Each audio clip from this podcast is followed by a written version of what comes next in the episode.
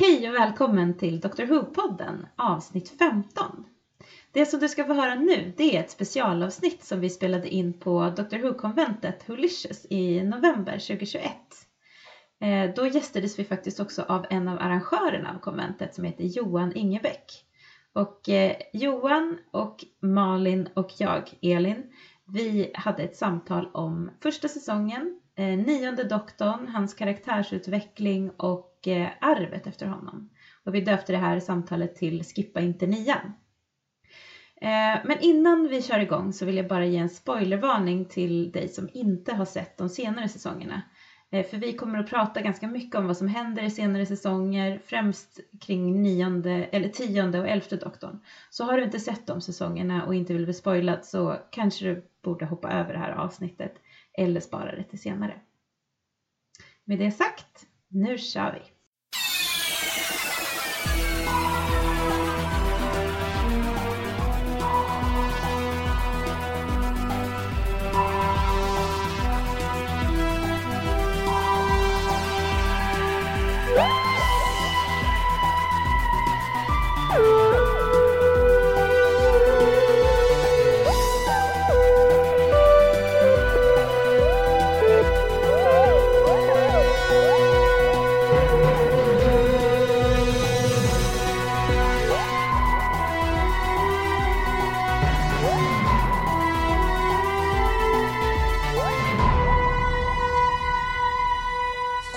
Får ni ett meddelande här om att vi spelar in den, det här avsnittet.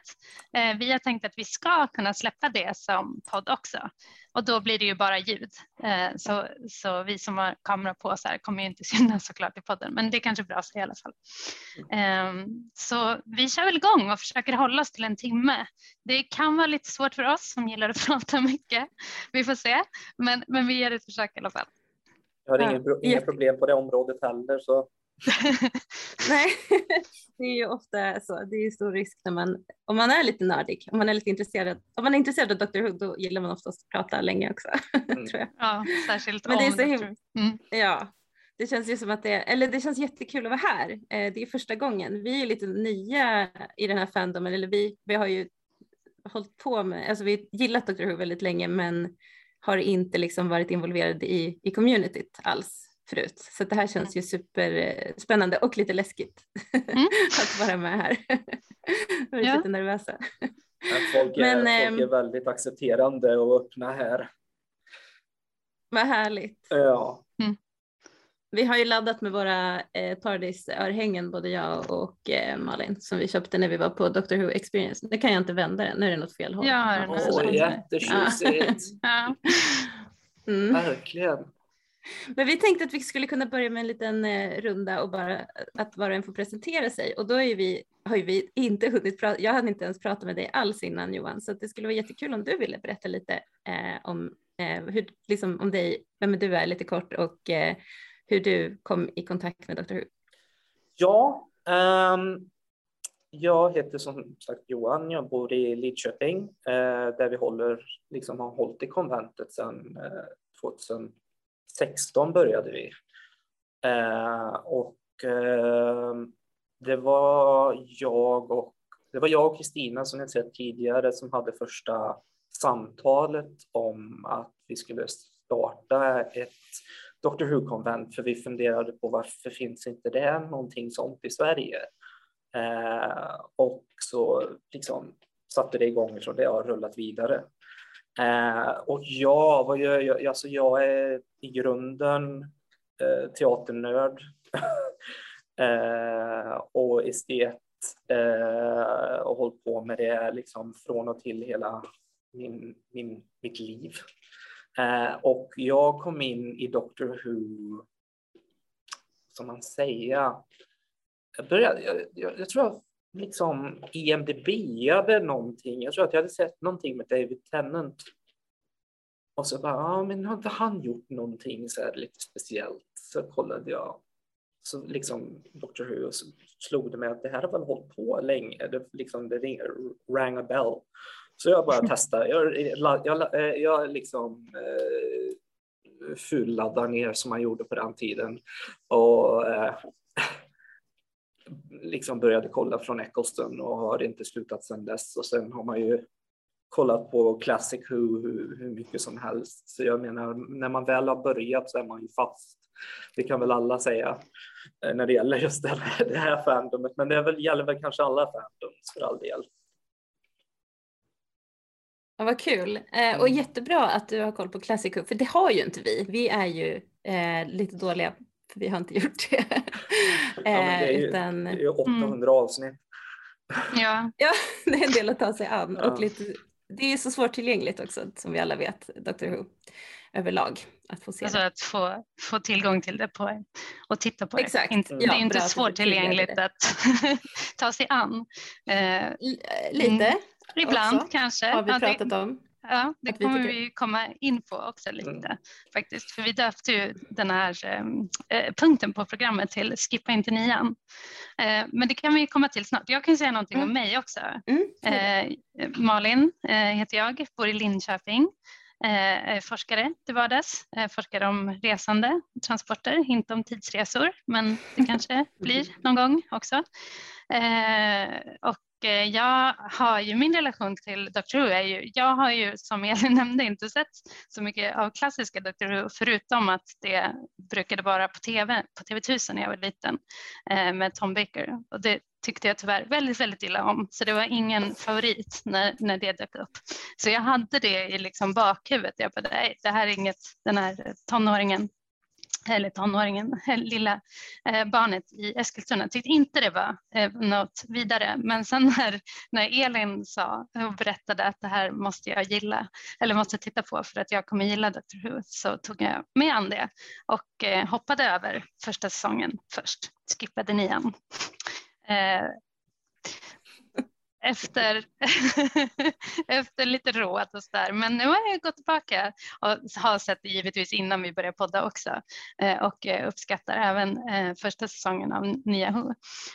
Men jag har en ganska varm relation till Dr. Who såklart. Just nu tittar jag på det med min dotter eftersom det blivit lite lättare att kolla på nu i och med att det har kommit på Prime.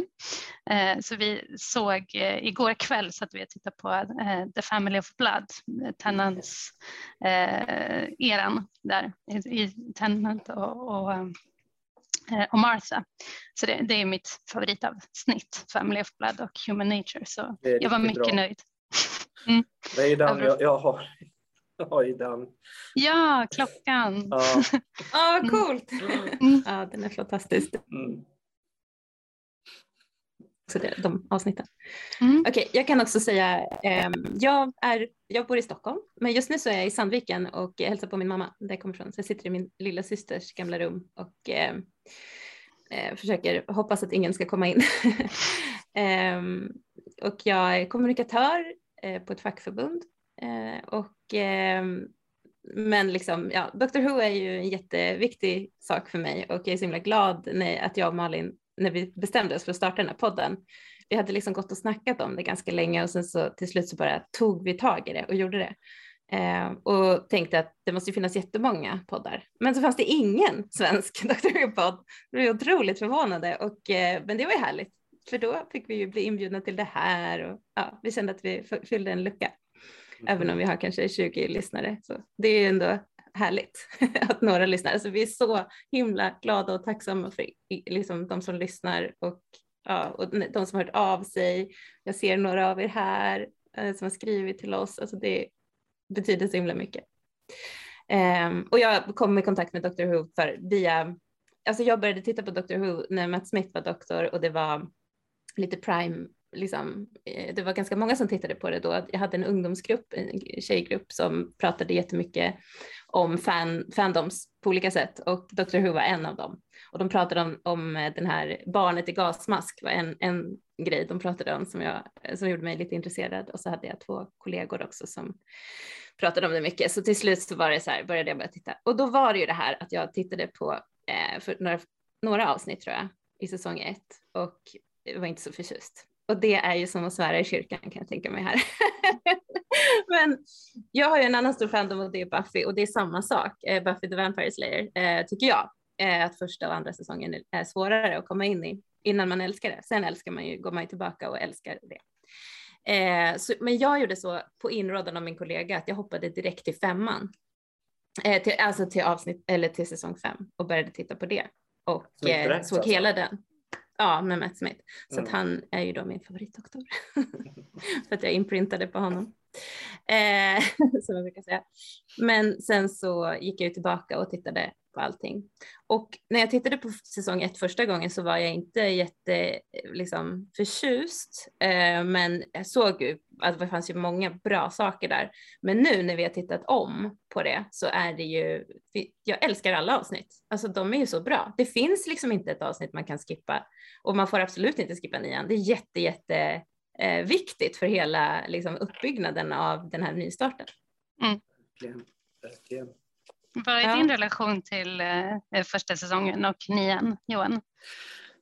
Alltså, det, det var ju verkligen det första jag såg och jag tycker ju att det de, efter att ha sett om det nu i veckan, liksom hela säsongen, så märker jag hur effektiva de är i alla, framförallt hur jävla bra skrivet första avsnittet är liksom med att introducera de här äh, fantastiska grejerna för en helt ny publik. Liksom. För de flesta, när, liksom, när det sändes och fortfarande, liksom, har ju inte sett Classic Who alls. Och då liksom, och bara slängas in i det här och att ändå lyckas med med allt som måste presenteras så väl. Det är verkligen att trä eh, tråden genom nålsögat direkt. Mm. Ja, jag är riktigt, riktigt eh, jag är imponerad över vad de lyckades med. Mm. Ja, manusen är jättebra faktiskt genomgående, mm. förutom vissa små detaljer som vi kanske kommer komma in på. Men ja. jag tycker också att, eh, för, eh, som sagt, jag tittar igenom säsong tre nu eh, och har ni sett säsong två också. Och där de är också bra. Det finns väldigt många fantastiska avsnitt där också. Men en grej som är lite eller speciell för säsong ett är att som sagt inget avsnitt går att hoppa över för det är någonting i varje avsnitt som liksom planterar någonting nytt eller fördjupar en karaktär eller eh, liksom skapar en djupare förståelse för någonting och liksom när man har sett hela säsongen tillsammans så märker man det mm. eh, så himla bra tycker jag. Så det är också en grej som jag tycker är jätteviktigt med säsong ett och sen såklart är ju också David, eller vad säger jag, vad heter det, Eccleston är ju en jättebra, alltså han är väldigt bra eh, doktor helt enkelt. Eh, jättebra skådespelare också som man ser i vissa av, eh, av avsnitten mer än andra men eh, och båda har liksom så himla brett känsloregister. Mm. Att han är både liksom när han är arg och eh, eh liksom eh, ja, men med allt som händer eh, så, så syns det och känslosam och allt det här och liksom när han blir upprörd och så vidare. Men det är ju samma sak när han är glad och eh, liksom eh, har det bra så skiner det också igenom så himla mycket så han är superbra skådespelare. Mm. Och tråkigt att han inte av olika skäl kunde fortsätta som doktor. Mm. Även om jag tror alla är nöjda över efterföljaren också kanske. Men man hade velat ha, ja, mm. Men man hade velat ha lite mer av Christopher Eccleston. Det hade varit kul att mm. se hur, hur den eh, doktorn utvecklades eftersom det hände så mycket under den här första säsongen. Hans Men jag tänkte att... Ja. Hans doktor skulle absolut ha behövt mer space att, liksom, att få spela på. Det är jättesynd att han bara gjorde en säsong, för jag tänkte på det med författandet framför allt, att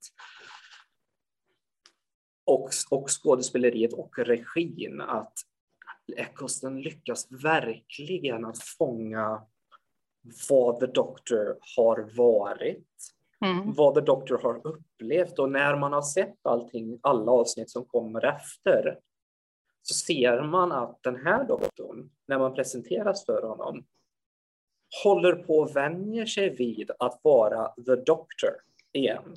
För att han inte har varit, när han var The War Doctor. Så jag menar, det är väldigt snyggt skrivet i efterhand också. Att mm. man ser att han, har, han är skadad. Han, Mm. han, liksom, han, han verkar fortfarande och liksom, det, man ser ju, han tittar sig i spegeln. Han har inte hunnit titta sig i spegeln sedan han regenererade. Så liksom, han är precis pinfärsk och han, liksom, nu är jag the doctor igen. Mm. Men han, han bär på så mycket liksom, tyngd. Det är så snyggt alltså. Mm. Mm. Ja, det är ju väldigt tydligt i så avsnitten som Dalek tycker jag är jättebra Ja. utifrån det, men eh, även de, de första. Då. Men framförallt kanske Dalek är en av de avsnitten där jag tycker att det märks Mm. eh, väldigt tydligt hur han liksom försöker hantera det som han har varit med om förut. Mm. Och så där. Sen så kommer ju det in i de första avsnitten också när han liksom, eh, bit för bit berättar om sig själv för Rose som också kommer fram. Först vill han ju inte berätta så mycket om sig själv för honom. Eller för henne. man ser men- att det är mm. väldigt smärtsamt för honom varje gång hon frågar någonting om hans förflutna så vill, hon inte prata, vill han helst inte prata om det. Och i ja, men The End of the World händer ju, är, är det ju så och eh, den här Jabe som han träffar, den här trädkvinnan, eh, frågar ju honom och beklagar ju verkligen eh, sorgen, eller vad man ska säga, så man liksom förstår det här tragiska som har hänt. Och sen i The Unquiet Dead med The Gelth så har han ju en sån otrolig eh, skuldkänsla, han har så mycket skuldkänslor inför dem och inför att han har eh, kanske, alltså vad han har orsakat. Så han kan inte tänka klart. Utan, Ja. Och det är ju väldigt mycket så i början att han liksom övermannas hela tiden av de här, eh, jobb, de här jobbiga känslorna, PTSD. Ja. Ja, Han gör förhastade beslut baserat Mm. på sina liksom, upplevelser under kriget. Det är, eh, det är väldigt bra karaktärisering. Jättebra. Ja, och jag, men jag såg någon intervju med honom där han säger att eh, han inte fick någon regi nästan, utan att han fick, så, så nu vet jag ni, det vet säkert alla liksom, att det har varit väldigt dålig stämning då mellan Russell T Davis och hela crewet eller vad det är, och mellan och eh, Christopher Eccleston. Men enligt honom då så fick han bara, han fick ett manus och så bara spelade han. Och om det var så så är, det- är det ju ännu mer imponerande. Ja, verkligen. Mm. För, för man ser ju hans true line, liksom att han håller på att bygga bygger upp sitt liv igen Mm. efter det här. För som, precis som du sa tidigare, att varje avsnitt är en pusseldel. Mm. Precis, och att han börjar lita på människor igen. Alltså i början så är han så, eh, han är så cynisk och trött på människor och han pratar om människor, ni, go on and have your lovely beans on toast och sådana där grejer. Eh, och hur han sen börjar knyta an till Rose igen och börjar bry sig om människor och andra, andra varelser igen. Mm. Tycker jag är så himla Mm. snyggt. Mm. Och man märker också att han håller på att återupptäcka någonting som han inte har upplevt, liksom lyckan med att vara den här varelsen som dyker upp och löser saker. Att han, det har inte han varit på liksom hundratals år i det här kriget. Liksom. Och att han... Nej. Nej, jag är Ja, väldigt- verkligen. Mm. Ja, men det, var, det var en fin observation där, att han upptäck, återupptäcker den lyckan med att, Mm. ja, fint. Mm. Det var Med att inte, vara sig själv. Mm. Men eh, innan vi går vidare till nästa punkt så skulle jag bara, men eftersom jag upplever att det är många, för det är ofta man läser så här lite trådar på olika eh, tv-seriesgrupper och så här som, som man eller jag är med på Facebook där det är så här, ja jag ska börja titta på Doctor Who, var ska jag börja? Så är det många som säger, ja men skippa nian, det är svårt. Varför tror ni att man får det rådet?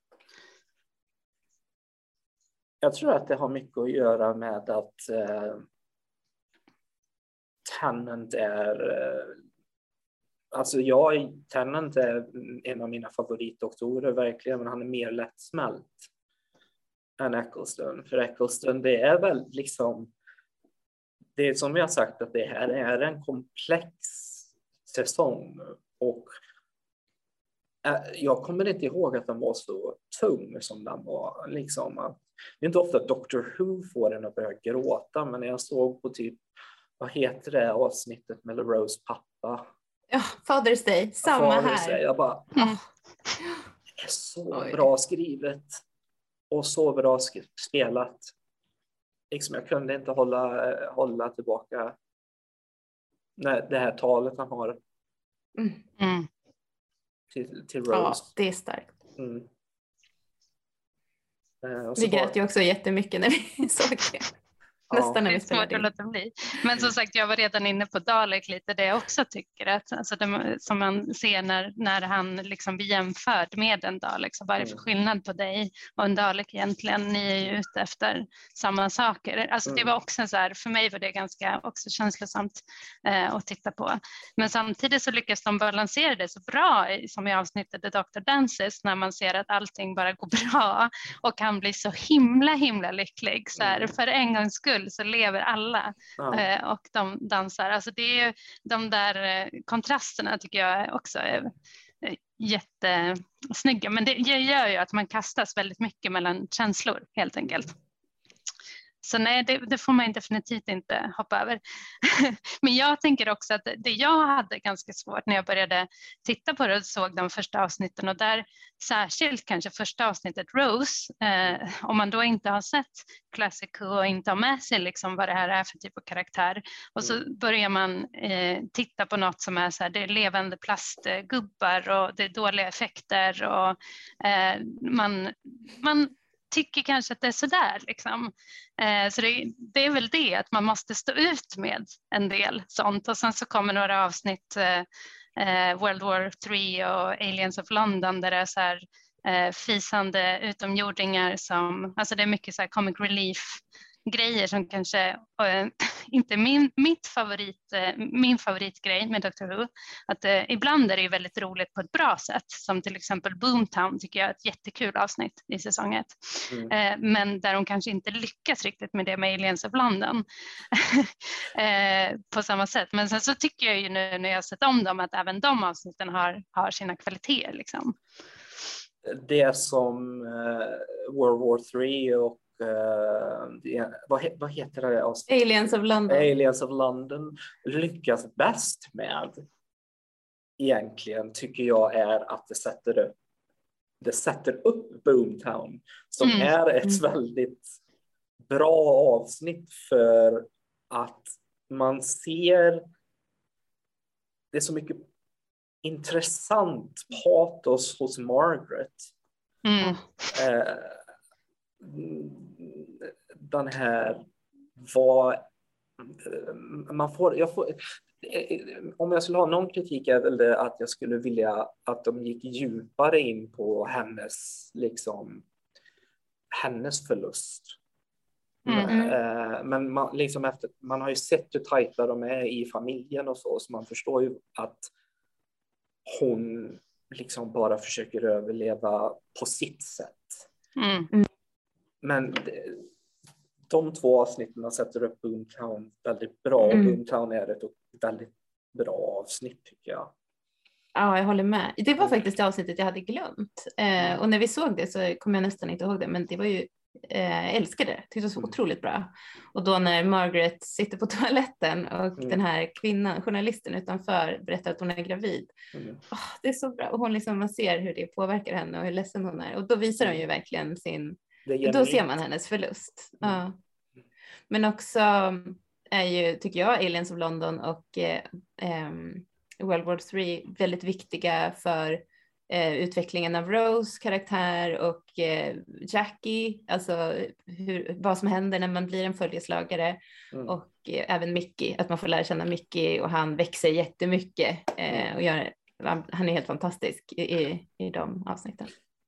Micke är en intressant karaktär i första säsongen tycker jag för att han går ifrån liksom den här äh, han är ju rätt så klingig på, på Rose. Eh, men han är ju också liksom genuint sårad över att hon inte bryr sig om honom. För att Mm. det är ju rätt så tydligt att liksom om det, om det händer någonting där, då skiter jag i det. Liksom som i, Mm. som i Boomtown, Rose bara sticker ifrån Mm. honom. Ja, det är hårt. Ja. Så det, det, han, det jag nu liksom när jag ska fortsätta titta på säsong två och tre, liksom forward, det ska bli intressant att se liksom hur mycket jag har skriven liksom utifrån det.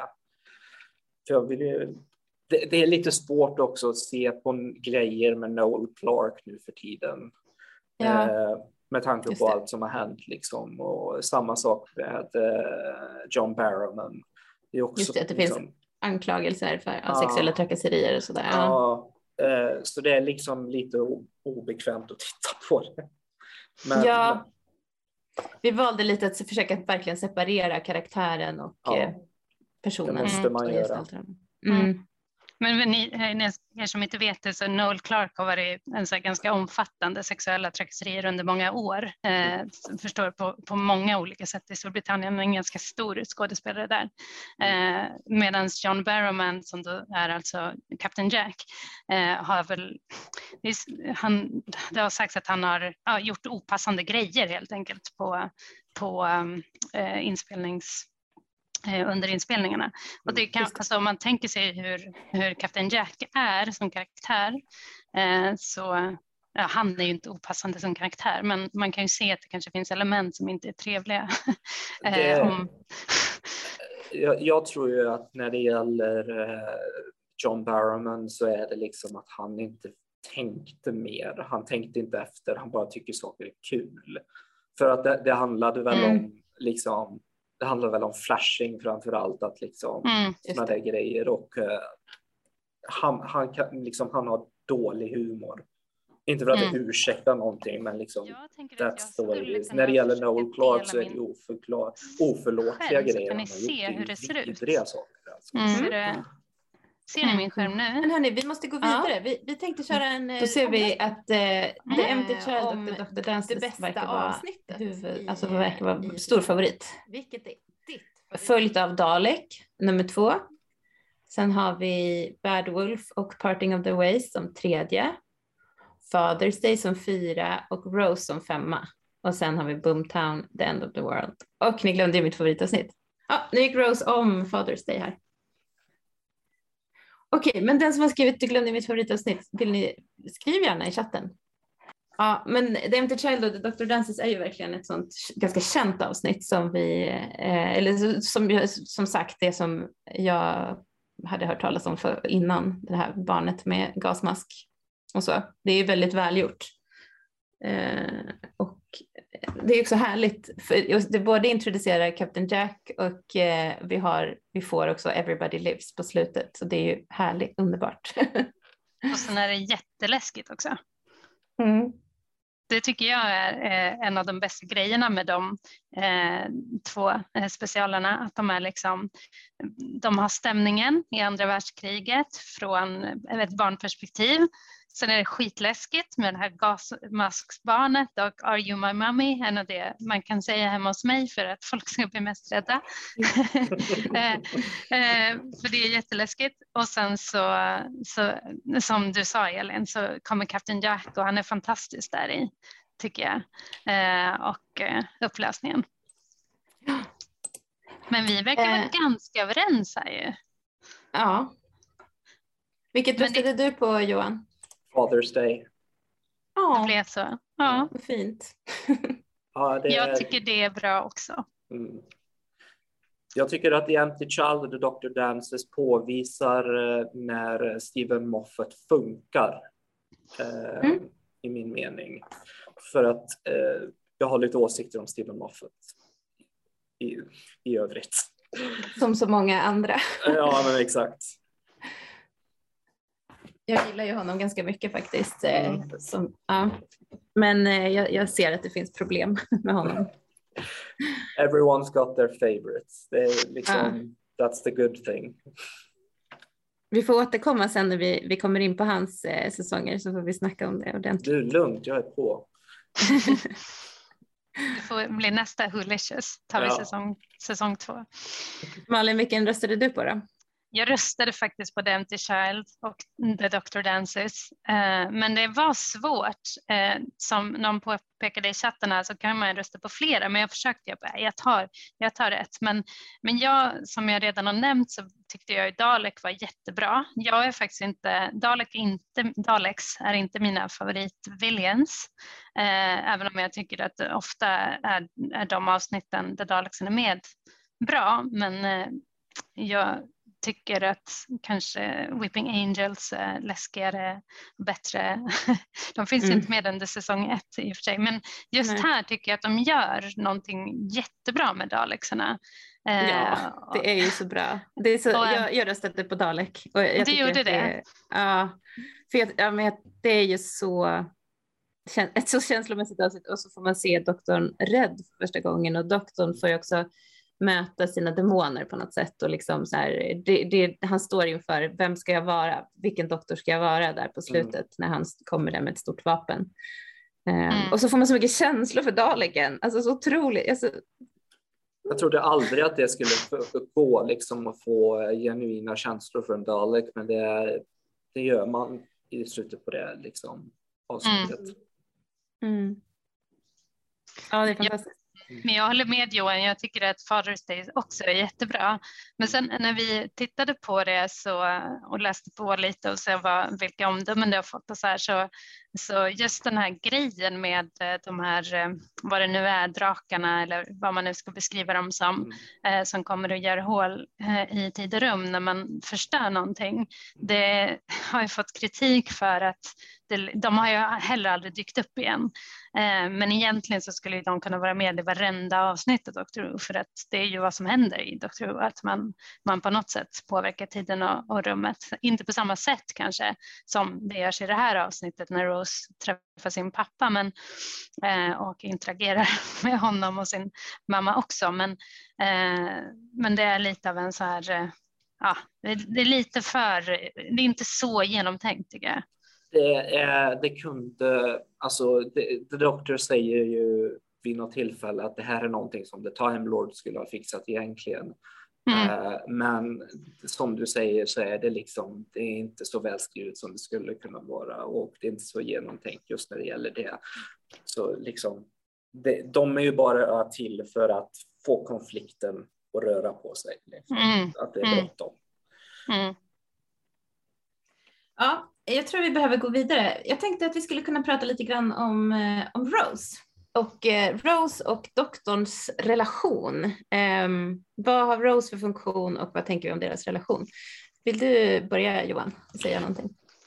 Ja, det är intressant för att liksom, desto längre man kommer med Rose, desto mindre tycker jag om henne, om jag ska vara ärlig.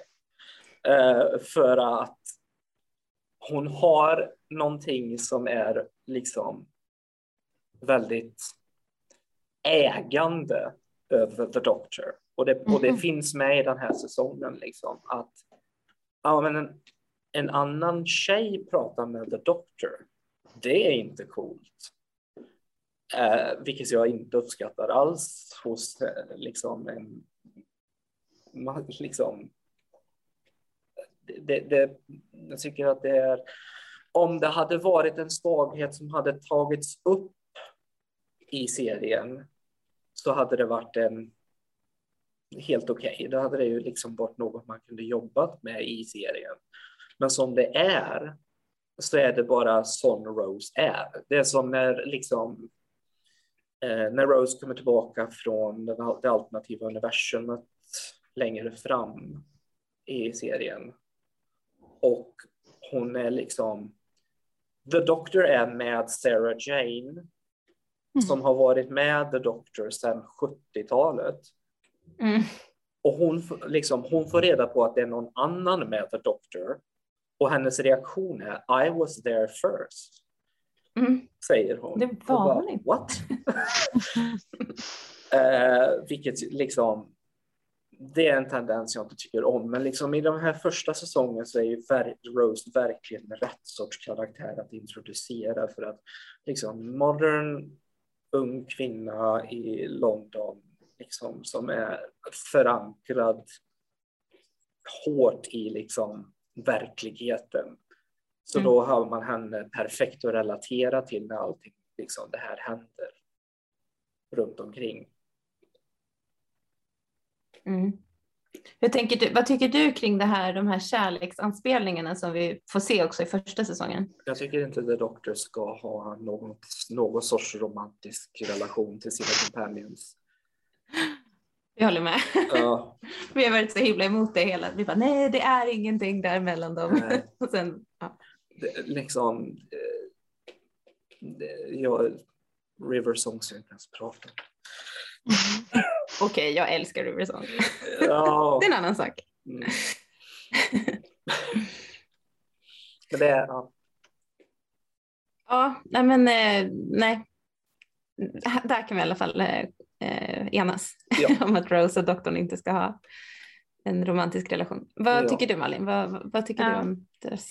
Jag tycker väl, ehm, ja, ni har varit inne på, eh, på saker som jag eh, också håller med om, men jag tycker faktiskt, alltså det är inte så mycket romantik mellan doktorn och, och Rose i den här säsongen som i andra. Så jag tycker ändå att det, det håller sig på rätt nivå där på något sätt ändå, även om jag som Johan håller med om att de här svartsjuka-grejerna som kommer in eh, tycker jag inte känns så bra. Men där kan man ju också se att doktorn är avundsjuk på, eller svartsjuk på Mickey också i vissa Ja, avsnitt som man absolut. inte, och det tycker inte jag alls om.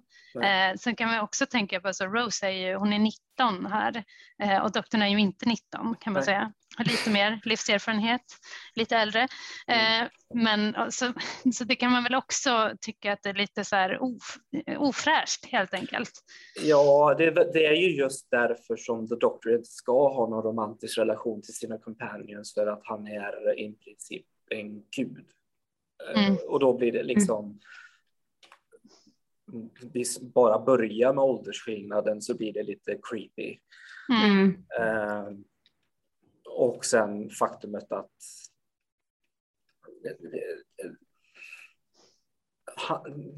det- man ska, vad ska man säga, companions kommer och går. Eh, Liksom, det, det, The Doctor är en del av deras liv och sen går deras liv vidare.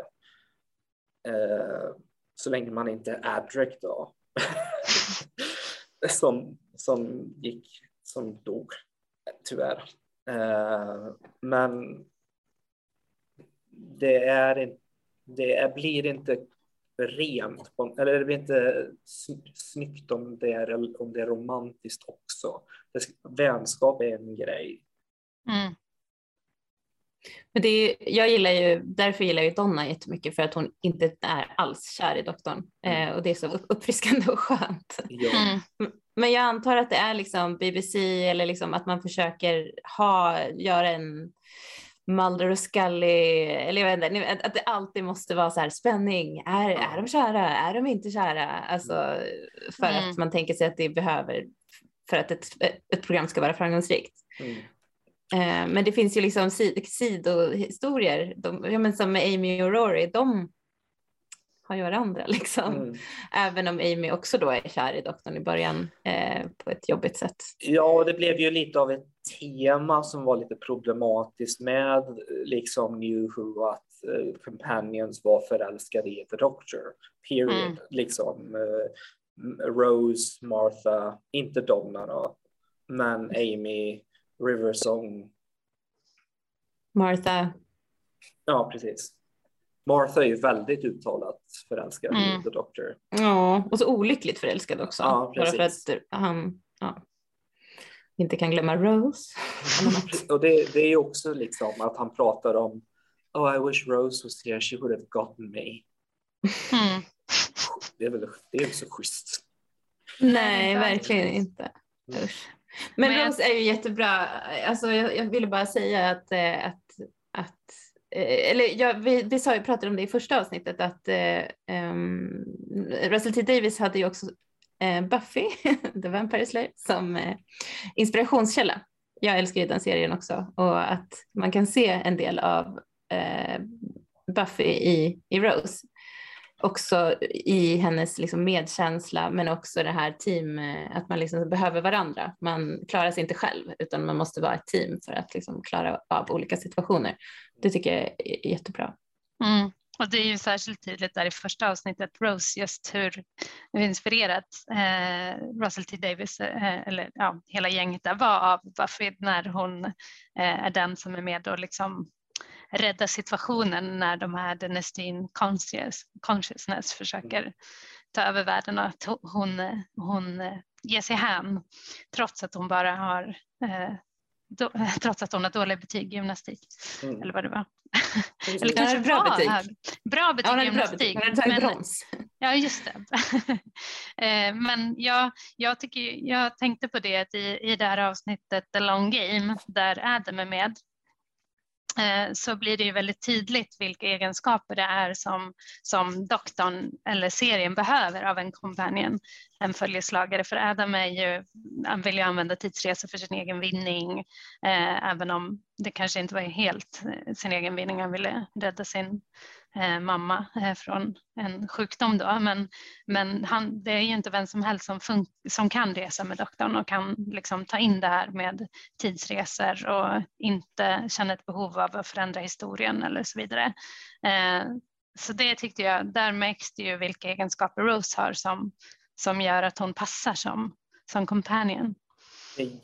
Det var jättebra formulerat för att jag kände precis samma grej, liksom att det här är väldigt snyggt skrivet för att påvisa att det här är rätt och det här är fel sätt att liksom följa med och vara en del av det här äventyret.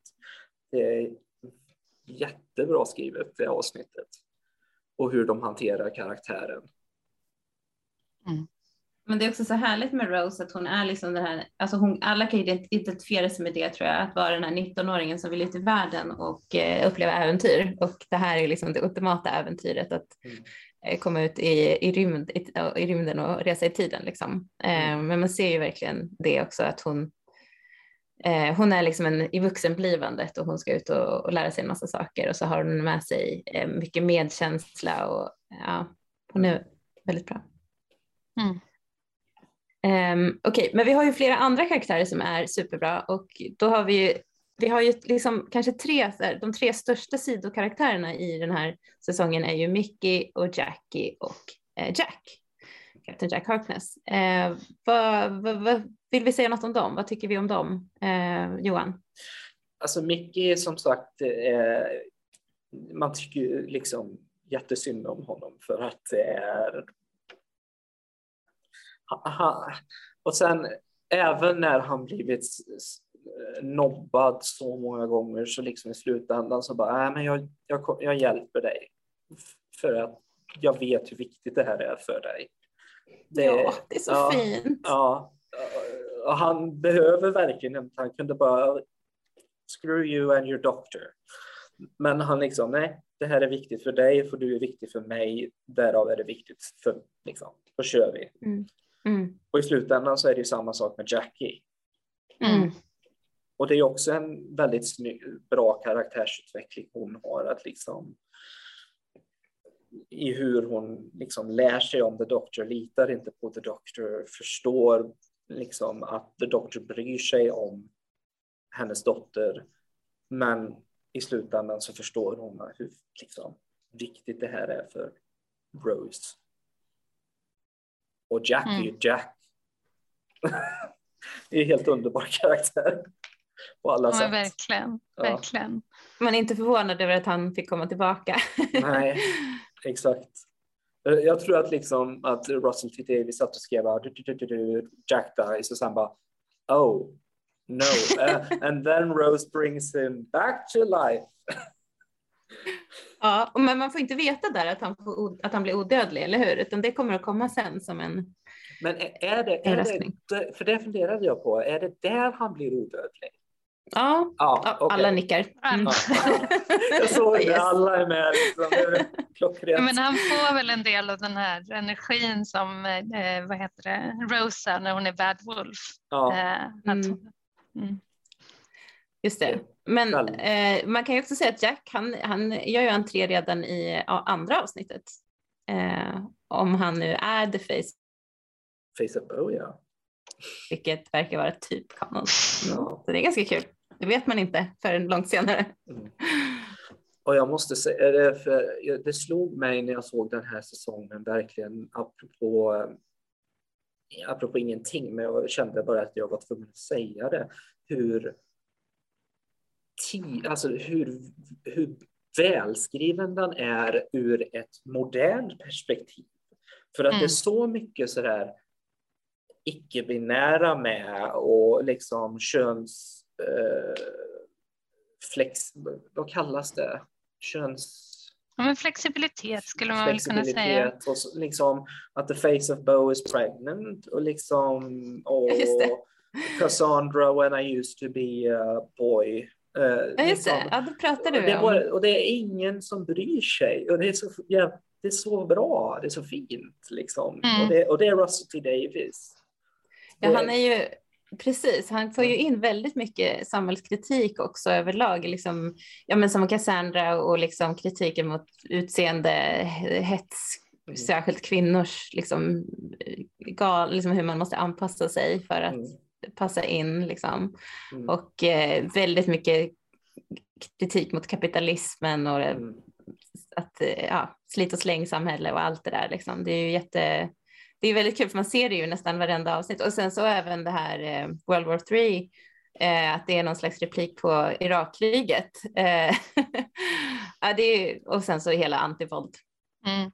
Det var en sån yeah. rolig sak nu när vi har gjort den här eh, podden och liksom läst på extra lite om varje avsnitt och få höra det här, det här som du sa Ellen, det här var en replik mot, äh, mot Irakkriget. Det hade man inte riktigt koll på själv eh, när man tittade på avsnittet första gången.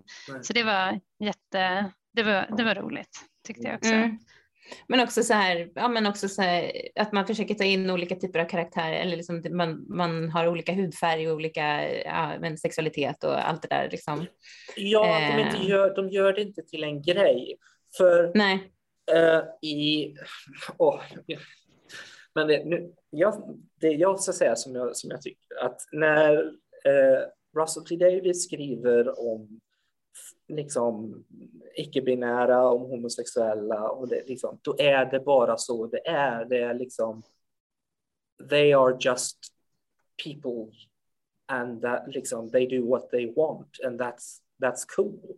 Men, mm. men när Stephen Moffat skriver eh, Bill till exempel så är det bara how gay am I? I am so gay. liksom, liksom hela tiden att det måste påpekas eh, mm. istället för att bara vara. Ja, så kanske det är. Det var så länge, nu har jag inte Bill så färskt i minne. Jag gillar verkligen henne som karaktär. Ja, men det jag gillar det också, så. men det, liksom, det, det, måste påpekas ibland liksom att, för man kan inte bara vara. Nej, just det. På något sätt. Men jag, jag tycker också ibland att det kanske är lite för outtalat eh, kring liksom, problem med att, eh, rasism till exempel, att man liksom inte erkänner att det är ett problem utan det är bara så här, det finns inte i det här universet fast det finns liksom, ja, men som ja. en Mickey. Eh, där hade ju, jag tycker själv att vår, vår, vår diskussion om, om, eh, vad heter det, om Aliens of London och World War 3 var liksom kanske våra bästa avsnitt för att det var, vi, kom, vi kom in på väldigt mycket olika typer av samhällskritik och där var ju en grej där liksom att Mickey är en svart man som är tillsammans med en vit tjej som mm. försvinner under ett år och då blir han mordanklagad. Eh, och hur mm. han då, sen ska förhålla sig till polisen och myndigheter och sådär. Mm. mm. Och det är, eh, ja.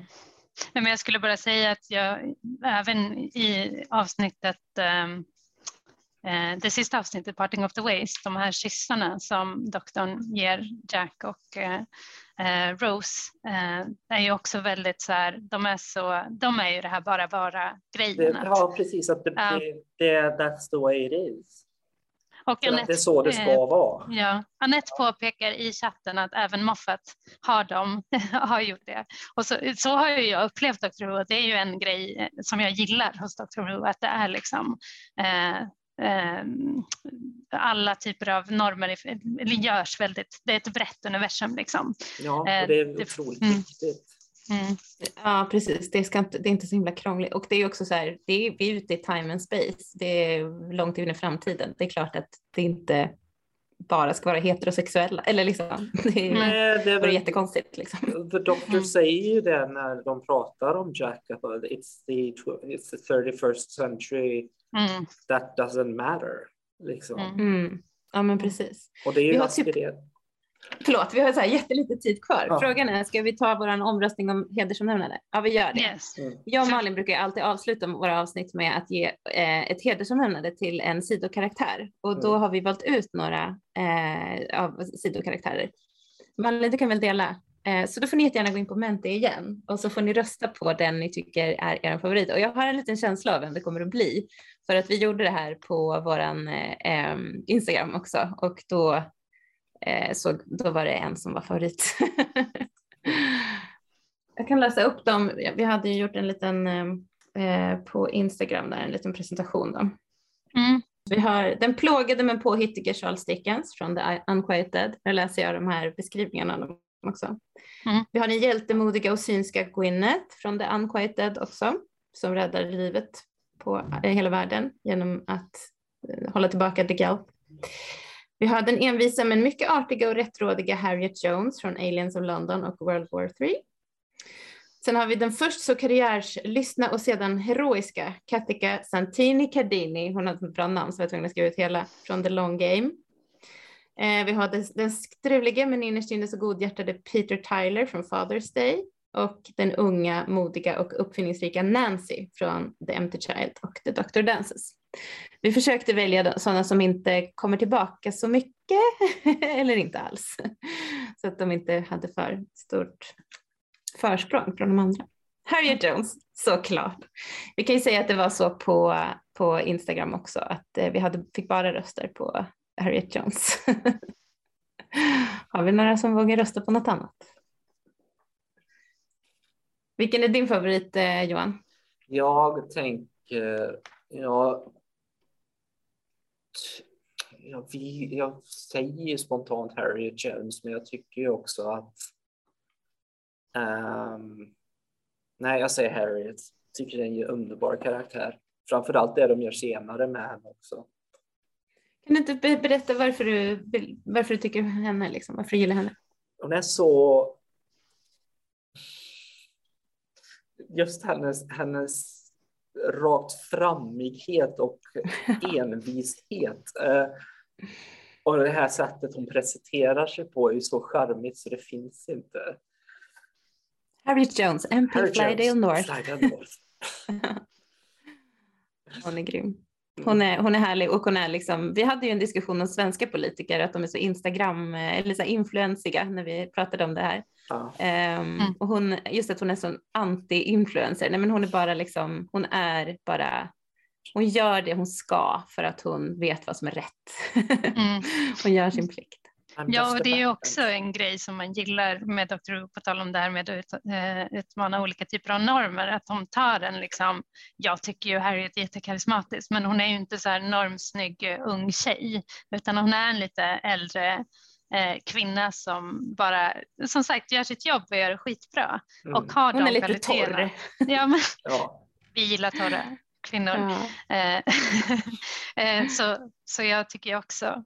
Och hon offrar ju livet senare som Anette skriver i, i chatten. Yes. Eh, så Det även har om, jag hon, glömt. Länge även om hon också gör några dåliga val ibland. Och ja, Så- hon gjorde mm. lite dåliga val. Men eh, som sagt så offrar hon sig. Så, Mm. ja, det är ju, ja. Nu är klockan fem så vi måste väl avsluta. Vi, jag hade varit kul att prata om eh, vad vi tror om Russell T Davis eh, återkomst. Vi- Hinner vi säga bara någonting eller hinner, vill du säga någonting kort om det Vi har- om vi hinner? Vi har lite, lite tid. Eh, jag Mm. tror att det kan vara en positiv grej för att det känns som att BBC eh, gav eh, Eh, dem ett val och sa antingen så lägger vi ner serien eller så måste vi outsourca serien. Och då gick de till eh, liksom Russell T Davis produktionsbolag. Och eh, de, det är de som ska producera det nu, inte direkt från BBC. De producerar åt BBC.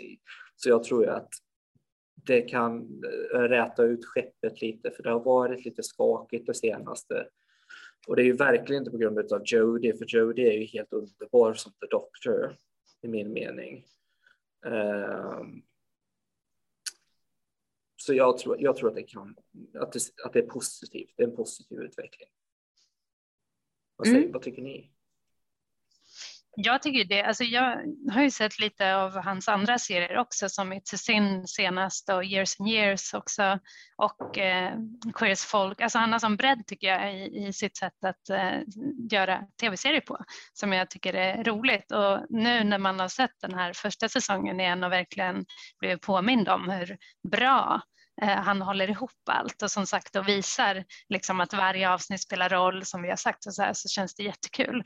Jag håller också med om att Jodie, jag har gillat henne som doktor jättemycket men nu har inte jag sett så mycket på grund av att det har varit så svårt att se det. Eh, men jag kanske har tyckt att manusen har varit lite så här Mm, ja. inte jättebra. Eh, det är tråkigt eh, mm. när, det, när man har gjort det här valet att förändra doktorn eh, på det sätt man har gjort och det kanske inte riktigt följs med i manusvägen. Så jag hoppas verkligen att, eh, att Russell T David liksom höjer ja. eh, nivån på, på serien igen. Även om jag inte mm. tycker att som sagt att det har varit dåligt. Liksom. Nej, nej.